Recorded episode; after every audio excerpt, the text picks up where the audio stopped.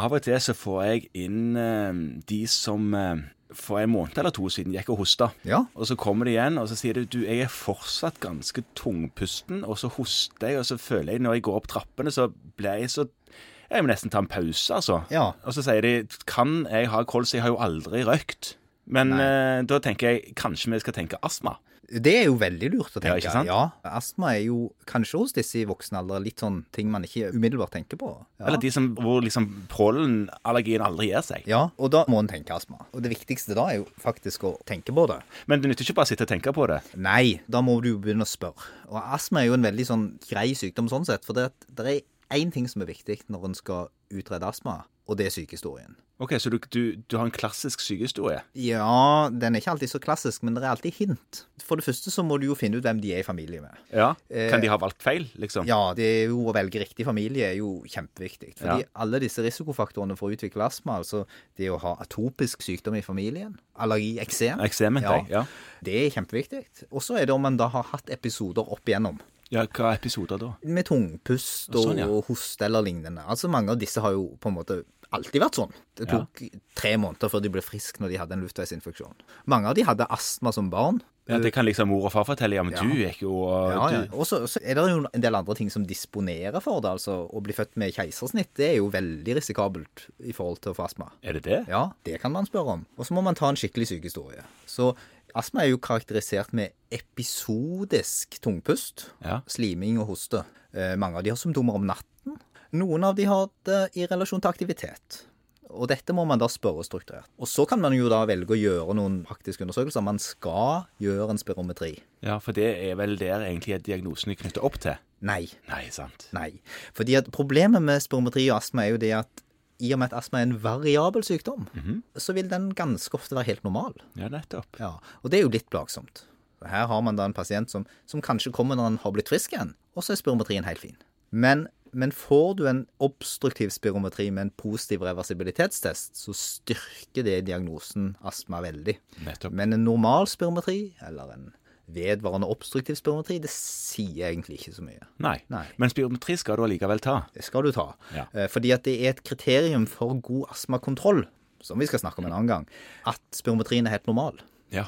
Pasienter med astma skal nemlig ha helt normal lungefunksjon. Og Når det- det ikke er i anfall, eller har symptomer. ja, de skal jo ikke ha anfall eller symptomer. Nei, nei, nei, nei. Sånn at Derfor så er det å ta spirometri av disse pasientene kjempeviktig. Men det er mye, mye vanskeligere enn ved kols. Ved kols er det et absolutt kriterium. Med astma er det ikke det. Nei. Så da er det sykehistorien. Og så er det neste man må gjøre diagnostisk hvis man er i tvil, er jo at man kan gjøre et behandlingsforsøk. Sånn som man gjør hos barn. Altså rett og slett prøve deg med behandling og se om Ja. det funker. Med å si at jeg tror dette er astma, jeg prøver behandling, og så tar jeg de tilbake til kontroll, og så ser vi om det har hatt en effekt. Og da er det iallfall viktig å ha tatt spirometri. For kanskje har du en spirometri før som var sånn halvdårlig, og så tar du de tilbake til kontroll etter seks-åtte uker. Og så har spirometrien blitt veldig, veldig mye bedre. Det styrker jo diagnosen veldig. Ja. Sånn at som en del av utredningen så er det kjempeviktig. Ja. Av og til kommer man ikke til målet med det. Da trenger vi sånne spesialister. Ja, som driver på med litt spesielle former for spiro, f.eks., og utpustanalyser og sånne ting. Ja, og så gjør de ofte det vi kaller for provokasjonstester. Ja, det er noe dritt, har jeg hørt. Ja, da inhalerer de jo ofte et stoff som heter metakolin, som gjør at hvis man har hyperreaktive luftveier, så trekker de seg fryktelig sammen. Og da blir de iallfall obstruktive. Ja, og det er veldig tegn på at man har astma. Men eh, sånn så Du, du har ikke astma. Litt. Ok, ja, Men jeg, da. Jeg har ikke astma. Nei. Og hvis jeg hadde innpusta der der metakolinstoffet, Ja. hadde jeg fått sånne snurpete luftveier da? Ikke i det hele tatt. Neste det? Det hadde du tålt kjempefint. Men Upraktisk at du hadde litt. Ja. Ja, ja. ja. Eh, Sånn er det jo. Ja. Ja. Eh, Det som òg er å si, at de kan gjøre noe som heter eksalert NO, ja, det var det jeg tenkte på først. eller FENO, som de kaller det på fint. Og det måler nitrogenmonoksid i den luften man puster ut.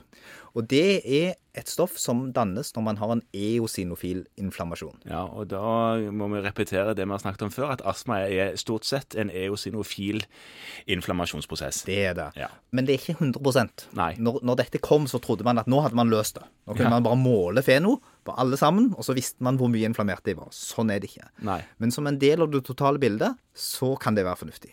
I Norge er det sånn da at spesialister og sykehusavdelinger de får betalt for å gjøre fenome, men det gjør man ikke som allmennlege. Så derfor så er det foreløpig noe som er forbeholdt spesialistavdelinger. Ja, men sånn er det bare. Er det andre ting vi kan gjøre når vi skal utrede de her? Ja, vi skal alltid ta røntgen av de. Ja. Fordi Hvor- at du vil av og til få en overraskelse. Fordi det kan være andre årsaker til det som er astmalignende symptomer. Det kan være eh, fortetninger eller vedvarende infeksjoner. Det kan være svulster.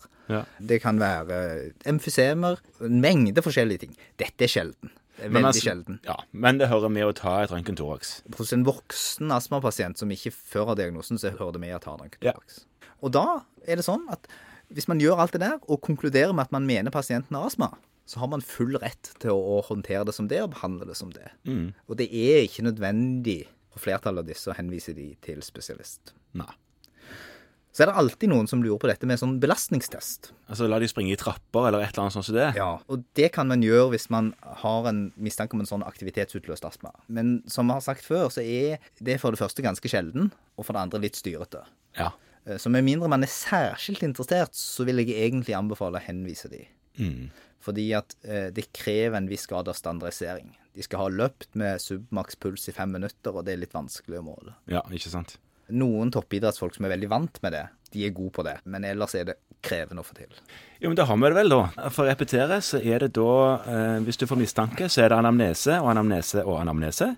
Så er det spirometri. Ja. Det er eventuelt eh, henvisning til spesialist hvis ikke du blir trygg nok sjøl. Mm. Det er en røntgentoraks. Absolutt. Og gjerne et behandlingsforsøk.